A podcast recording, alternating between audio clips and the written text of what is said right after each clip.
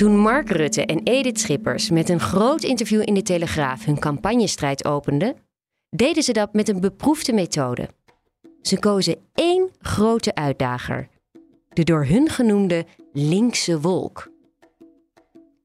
Dat juist Rutte en Schippers dit interview gaven en niet een lijsttrekker uit een van de provincies, daarover is goed nagedacht. Bij de provinciale statenverkiezingen lijken de provincies al lang niet meer het belangrijkste te zijn. Nee, deze verkiezingen gaan vooral over de Eerste Kamer.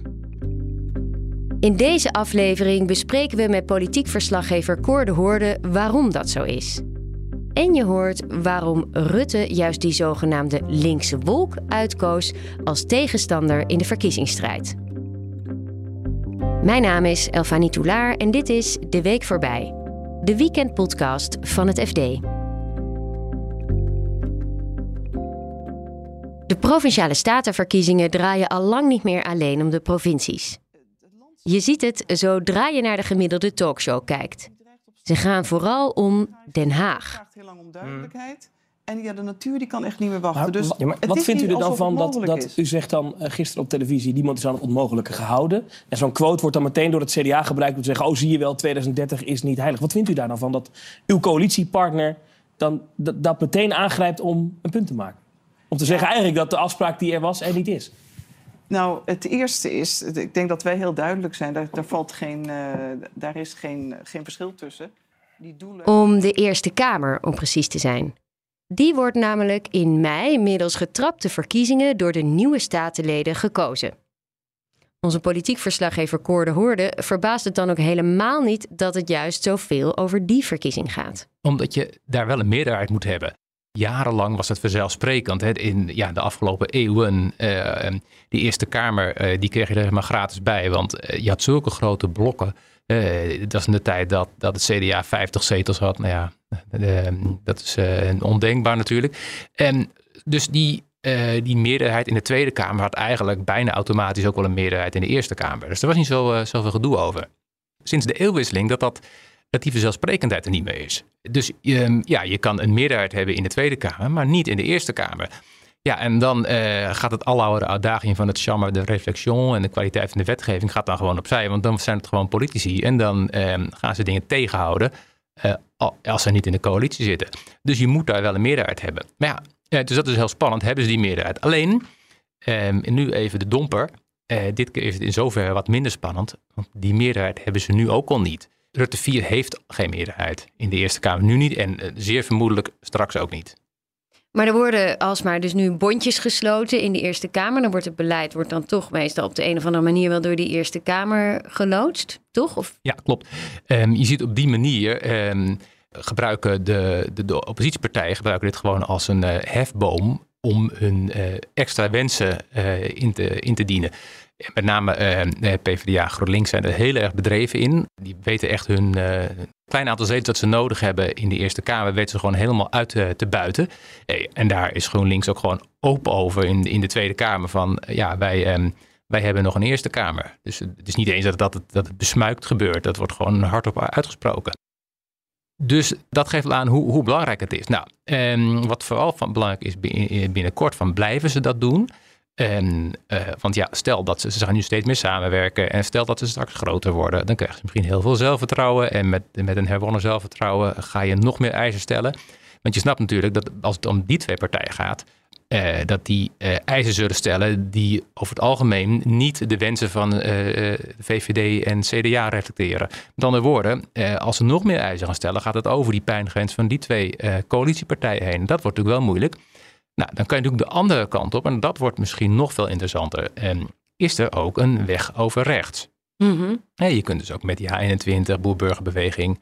Ja, het hele probleem is dat tot nu toe eh, kon dat theoretisch ook, maar dat gebeurde bijna niet, omdat ja, daar had je vooral H21 voor nodig. Maar die, ja, die ehm, wa- was erg moeilijk tot compromissen te bewegen. Die, eh, eh, kijk, je moet bedenken dat GroenLinks en PvdA hebben veel meer politieke ervaring. Die weten gewoon, ja, ik, ik kan wel wat eisen. Ik heb een hefboom. Ik heb een koevoet, maar ik heb niet zoveel. Ik kan niet uh, in ruil voor uh, ja tegen wetsvoorstel X of Y, kan ik uh, mijn half partijprogramma er doorheen jassen. Dat gaat gewoon niet. Dat is gewoon te veel gevraagd. En GroenLinks en PvdA snappen dat. Die komen altijd met een heel um, praktisch voorstel, wat overzichtelijk is, met een begin en een eind. En ja, eh, en dat maakt veel meer kans dan een jaar 21 die dan wel wat roept. Kijk, en zo beginnen die anderen ook. Iedereen begint met wat roepen, dat is de politiek. Maar die daarna niet het terugbrengt tot een, uh, een overzichtelijke, concrete eis. En omdat dat niet gebeurde, konden ze nooit over rechts en waren ze op links aangewezen. Maar misschien dat dat in de nieuwe Kamer, uh, Eerste Kamer, anders gaat worden. Ja, met ja 21. Uh, want... Boerburgerbeweging ook. En de Boerburgerbeweging, die zit nu natuurlijk helemaal nog niet in de Eerste Kamer. Nee. Die staan er wel behoorlijk goed voor in de peilingen. Ja, kijk, um, je ziet dat er al sinds tijden een sluimerende groep op rechts, of een grote groep op rechts is, rechts van de VVD. Daar zit een gat, een politiek gat. Alleen daar zitten, zijn hele partijen al opgesprongen. Ja, Pim Fortuyn was natuurlijk de eerste die gewoon aantonen dat dat gat er is. Nou, en iedere keer is er weer een partij. En dit keer uh, heb je Ja21 en de Boer-Burgerbeweging, die zeg maar het, uh, het redelijk rechtse alternatief zijn. Althans, dat, zo, zo, zo presenteren ze zich een beetje. En ja, daar zit best, uh, daar, daar zit best uh, potentieel. Je hoort het al. De allergrootste uitdagers van de VVD zijn dus misschien niet de linkse partijen waar ze nu zo constant de aandacht op vestigen. Toch is dat volgens Cor wel een hele logische strategie. Je wilt dat de aandacht naar jou toe gaat. En dat gaat naar jou toe als je een eenvoudige uh, uh, zwart-wit tegenstelling hebt. Dat is, dat is gewoon het, het fijnste om naar te kijken. Ja, nu moet ik eigenlijk voor mezelf spreken. Ik vind het zelf wel leuk om te zien. Als je, ik herinner me nog verkiezingsdebatten bijvoorbeeld tussen Balkenende en, Bos. En dat was gewoon hartstikke leuk. Die twee, daar ging het om. En dan los van het feit dat het voor de kijker leuk is om naar te kijken. Het is, daardoor heb je als kijker ook de indruk dat dat ook de keuze is. Of die of die. Dus, dus als jij eh, eh, Mark Rutte bent, dan zal natuurlijk een deel van die kiezers wel dan naar PvdA GroenLinks gaan. Maar dat is niet zo erg, want het zijn vermoedelijk toch niet de mensen die uh, twijfelden tussen VVD en GroenLinks. Maar dat zullen waarschijnlijk de mensen zijn die twijfelden tussen uh, GroenLinks en, noem maar wat, de, de Partij voor de Dieren.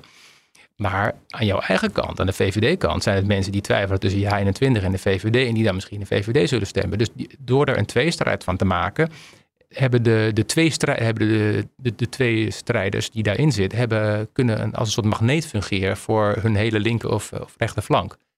Dus dat is enerzijds. En dus ik, snap dat en die logica is er. En het, het, werkt ook al een beetje hoor. Maar beperkt. Want er is zo er zo'n uh, versnipperd landschap dat je dat nooit helemaal uh, kunt uitbuiten. Dat, dat denk ik niet. En dat, dat heb ik ook de afgelopen verkiezingen niet gezien.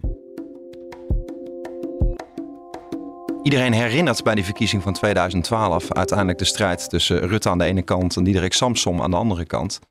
Waarin de PvdA de laatste twee weken opklom van 14 zetels in de peilingen naar pak een beet 40. Maar het startschot van die campagne, dat was ongeveer uh, april, mei uh, van dat jaar, voor de zomer.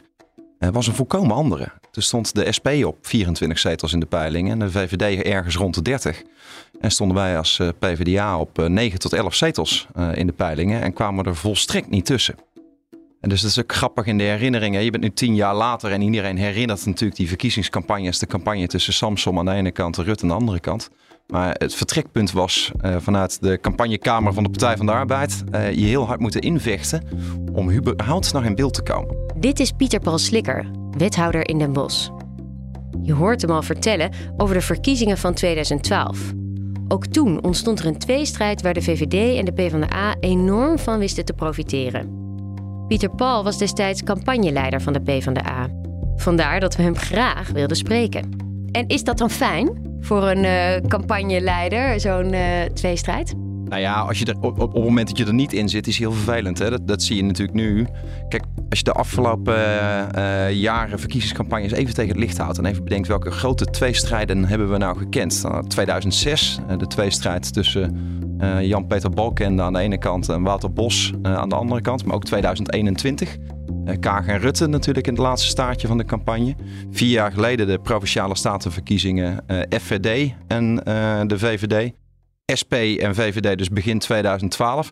De grap is natuurlijk altijd dat de partijen die midden in die tweestrijd zitten zeggen dat dit het evidente uh, gevecht is van het tijdsgevricht waar je op staat. En dat het logisch is dat dat het debat van het moment is. En dat de partijen die niet in die tweestrijd zitten, natuurlijk allemaal zeggen dat het afleidt van uh, de werkelijke vraag die voor ligt. Dat geen recht doet aan de kiezers en de partijprogramma's. En de grap is dat partijen die dat vandaag zeggen over de huidige tweestrijd, uh, die ze langs zien komen, dat niet zeiden toen ze erin zaten en omgekeerd. Zo nee. gaat het altijd. Ja, oké, dat snap ik. Maar als campagneleider is het dan iets waar, wat je graag zou willen? Met het risico dat je er buiten valt of uh, waar je op aanstuurt? Het is een feit dat het met grote regelmaat uh, gebeurt. En het is ook een lijntje wat je in een campagne natuurlijk beetpakt. Hè. Kijk, uh, ook nu in alle duidingen over de campagne zie je toch de terechte politicologische analyse weer terugkomen. Dat je eigenlijk drie blokken hebt in het Nederlandse electoraat. Een echt links-progressief blok, een midden-conservatief blok en een rechts-conservatief blok. En die kiezers die ordenen zich met name binnen die blokken. En dus je kiest tussen een bandbreedte SP, GroenLinks, Partij voor de Dieren, PvdA en D66. Of CVDA, VVD of aan de rechterflank Ja, ja 21, BBB, FVD, PVV. En feit is als je een tweestrijd weet te creëren tussen twee partijen die over het algemeen niet in hetzelfde blok zitten, is dat het kiezers mobiliseert richting die partijen binnen die blokken. Dus het is electoraal profijtelijk. Uh, om met elkaar een, een bondje te hebben om tegen elkaar op te beuken. Uh, en de rest wordt daar heel chagrijnig van, is ook een gegeven. Je ziet het altijd, hè? zo vlak voor verkiezingen. De peilingen die kunnen per dag nog veranderen. Maar als je dan nog even teruggaat naar 2012. Um, je zei het al eventjes, de SP stond toen heel hoog, 24 zetels. Ja. Hoe is het jullie toen gelukt? Wat is dan de truc geweest om toch nog groter te worden? Nou, de, dat is ook weer een wezenlijk verschil met de tweestrijd nu. Kijk, die tweestrijd nu tussen PvdA en GroenLinks aan de ene kant en de VVD aan de andere kant, is met name op sociaal-economische thema's uh, gebaseerd. Uh, dus het gaat uiteindelijk over de vraag, uh, zoals Rutte vreemd, wilt u meer of minder belasting betalen? En vanuit de flank van PvdA en GroenLinks wordt daar terecht op teruggezegd, als u het mij vraagt. Mm -hmm. ja, meer belasting inderdaad voor multinationals, vermogenden, minder op arbeid, want de gewone man mag wel eens een keer wat meer aandacht krijgen.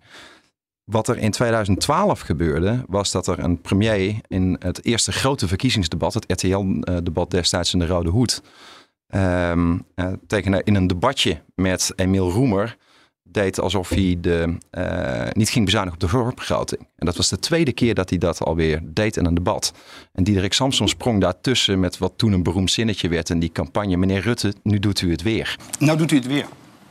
Nou doet u het weer. Wij, ver, wij verlagen belastingen. Bij ons gaan de bedrijven minder belasting betalen dan in uw programma. U gaat enorme energieheffing invoeren. En die compenseren we aan de andere wat kant. denkt u dat er Dus gebeurt bij bedrijven- als u dat Meneer invoert? Rutte, u doet het weer. U doet het weer. U, doet voert het weer weer. allerlei belastingen. En dat, dat werd destijds een verhaal over het eerlijke verhaal. Vertellen politici nog wel het eerlijke verhaal op het moment dat ze in een verkiezingsdebat staan? Of zijn ze bezig met trucjes, eh, kiezers te verleiden, eh, minder goede debaters de loef af te steken, et cetera? Emiel Roemer verdween compleet in dat debat. Pechtold stond er ook, Buma stond er ook, Wilders stond er ook. Die kwamen niet meer aan de bak. En het werd een gevecht tussen Rutte aan de ene kant en Diederik Samsom aan de andere kant. En Samson Over was het degene eerlijke die... verhaal vertellen. Ja, Samson had de vinger op de verkeerde... Of eh, op de, op de zere pijnlijke plek gelegd. bij Mark Rutte. Ja. En wat er eh, aan de kant van de PvdA veranderde. Kijk, Diederik was net nieuw voor de meeste eh, mensen. Zat al jarenlang in de Kamer. Maar had toch het beeld van die oude Greenpeace-activist met wilde haren en die Greenpeace-bootjes. En daar stond opeens een man die, en die het opnam voor fatsoenlijke politiek bedrijven en het eerlijke verhaal vertellen. En dat werd destijds in die campagne een enorm ding. Want je kreeg opeens allerlei eh, fact-checks eh, in kranten, televisierubrieken. En die gingen kijken naar zijn die politici nou daadwerkelijk wel het eerlijke verhaal aan het vertellen of doen ze dat niet. Dus dat was meer het centrale thema van die campagne destijds. En hoe heb jij daar toen aan bijgedragen? De belangrijkste bijdrage die ik samen met Ruud Slotboom, dat was de toenmalige hoofdcommunicatie bij ons, heb geleverd, is dat we überhaupt in dat debat stonden.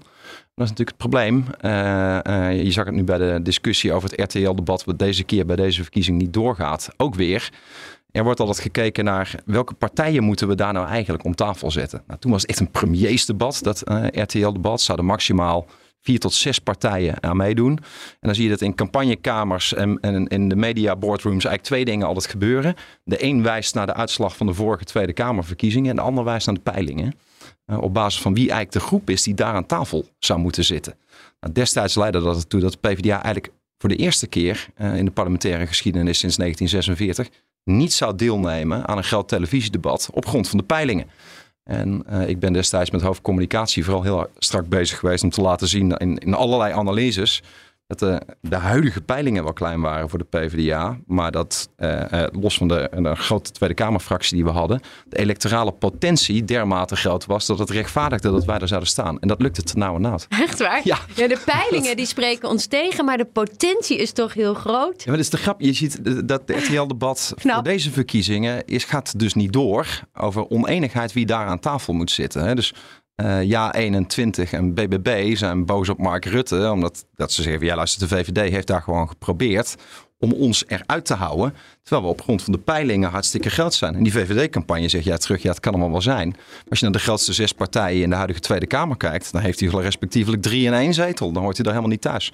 Dus dit, dit, deze strijd op de achtergrond, die zie je natuurlijk als kiezer niet. Maar uiteindelijk is er wel een televisieprogramma waar pakken bij 2 miljoen mensen naar kijken. En waar een week lang uh, kranten, uh, uh, televisiemakers, opiniemakers over schrijven en met elkaar debatteren. Als je daar niet tussen staat, heb je een enorm probleem. Zo'n tweestrijd is ook heel bepalend voor hoe er in de media over de verkiezingen wordt bericht.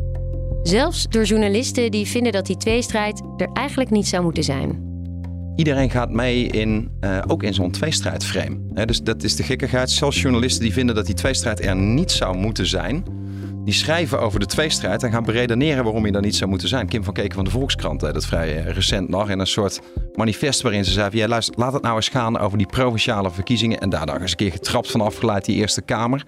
Maar die tweestrijden die leiden eigenlijk alleen maar af van alle verkiezingsprogramma's waar mensen in zich zouden moeten verdiepen. En het bredere debat wat er eigenlijk onder zit. Maar het feit dat iedereen die eigenlijk dat liever niet zou willen, toch nog daarover praat. Betekent dat je als gewoon normale nieuwsconsument alleen maar twee strijd VVD, PvdA, GroenLinks ziet langskomen. Dus in ja. zekere, zekere zin ben je nog aan het bevestigen dat die hartstikke belangrijk is. En dat zie je natuurlijk ook politici van andere partijen die op dit moment niet in die tweestrijd zitten. Nou, Hugo de Jonge die zegt, uh, dit is toch niet het debat waar het over zou moeten gaan. Uh, Lilian Marijnissen van de SP, uh, die zegt, nou het is geen linkse wolk, er is het nodig dat er een linkse vuist is. Dus je moet meer eigenlijk naar het programma van de SP kijken. Ze pakken allemaal als vertrekpunt die tweestrijd tussen VVD en PvdA en GroenLinks aan de andere kant. Dus je ontkomt er ook bijna niet aan. Nee. Je hebt nu natuurlijk de samenwerking tussen PvdA en GroenLinks. Wat voegt dat toe aan die uh, tweestrijd? Verandert dat nog wat? nou, ik denk dat die volgordelijk gezien omgekeerd is. Als die samenwerking tussen PvdA en GroenLinks er niet was, dan was er geen tweestrijd. De reden waarom eh, de VVD-campagne en Mark Rutte als premier eh, PvdA GroenLinks als de grote tegenpol, uh, zowel programmatisch als in die strijd om de Eerste Kamer kan neerzetten, is omdat de optelsom van PvdA en GroenLinks in de Eerste Kamer op dit moment groter is dan de VVD-fractie.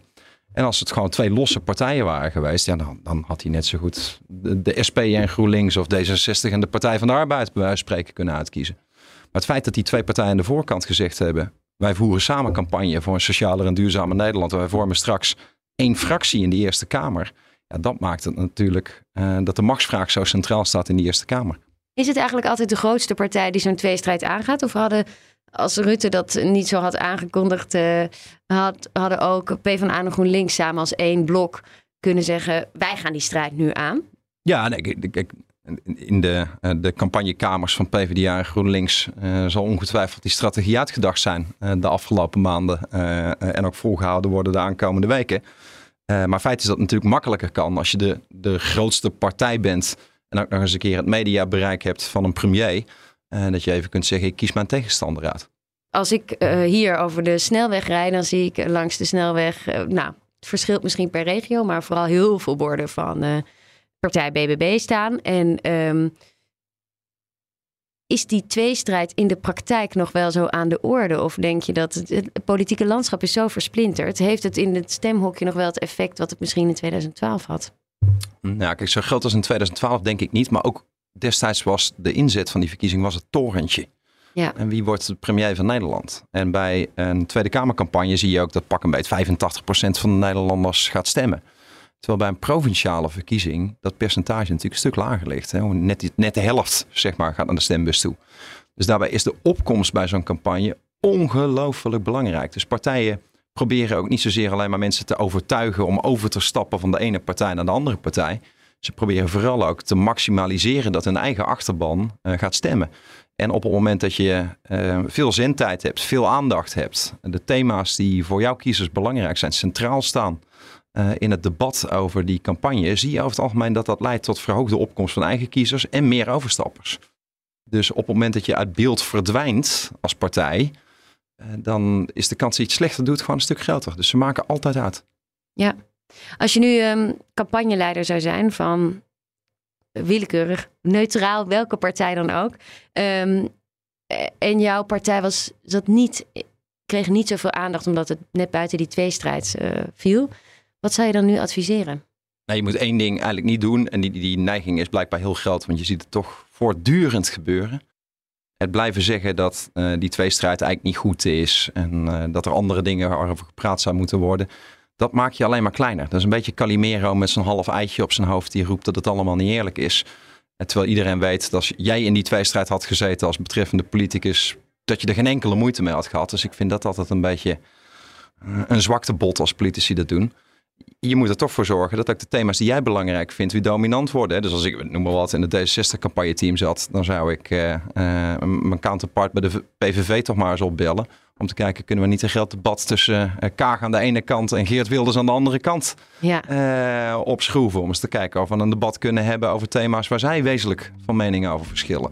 Maar kortom kun je, kun je een alternatief aanbod maken waar ook over geschreven wordt, waar ook over bericht wordt. Gewoon het, het debat daadwerkelijk proberen te verleggen.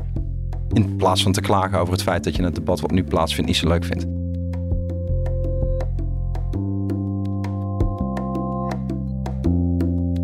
dit alles in ogenschouw nemende, Cor. Um, behoorlijk ingewikkeld, behoorlijk belangrijk, maar hoe het gaat uitpakken, geen idee. Hoe bepaal jij nou wat je gaat stemmen?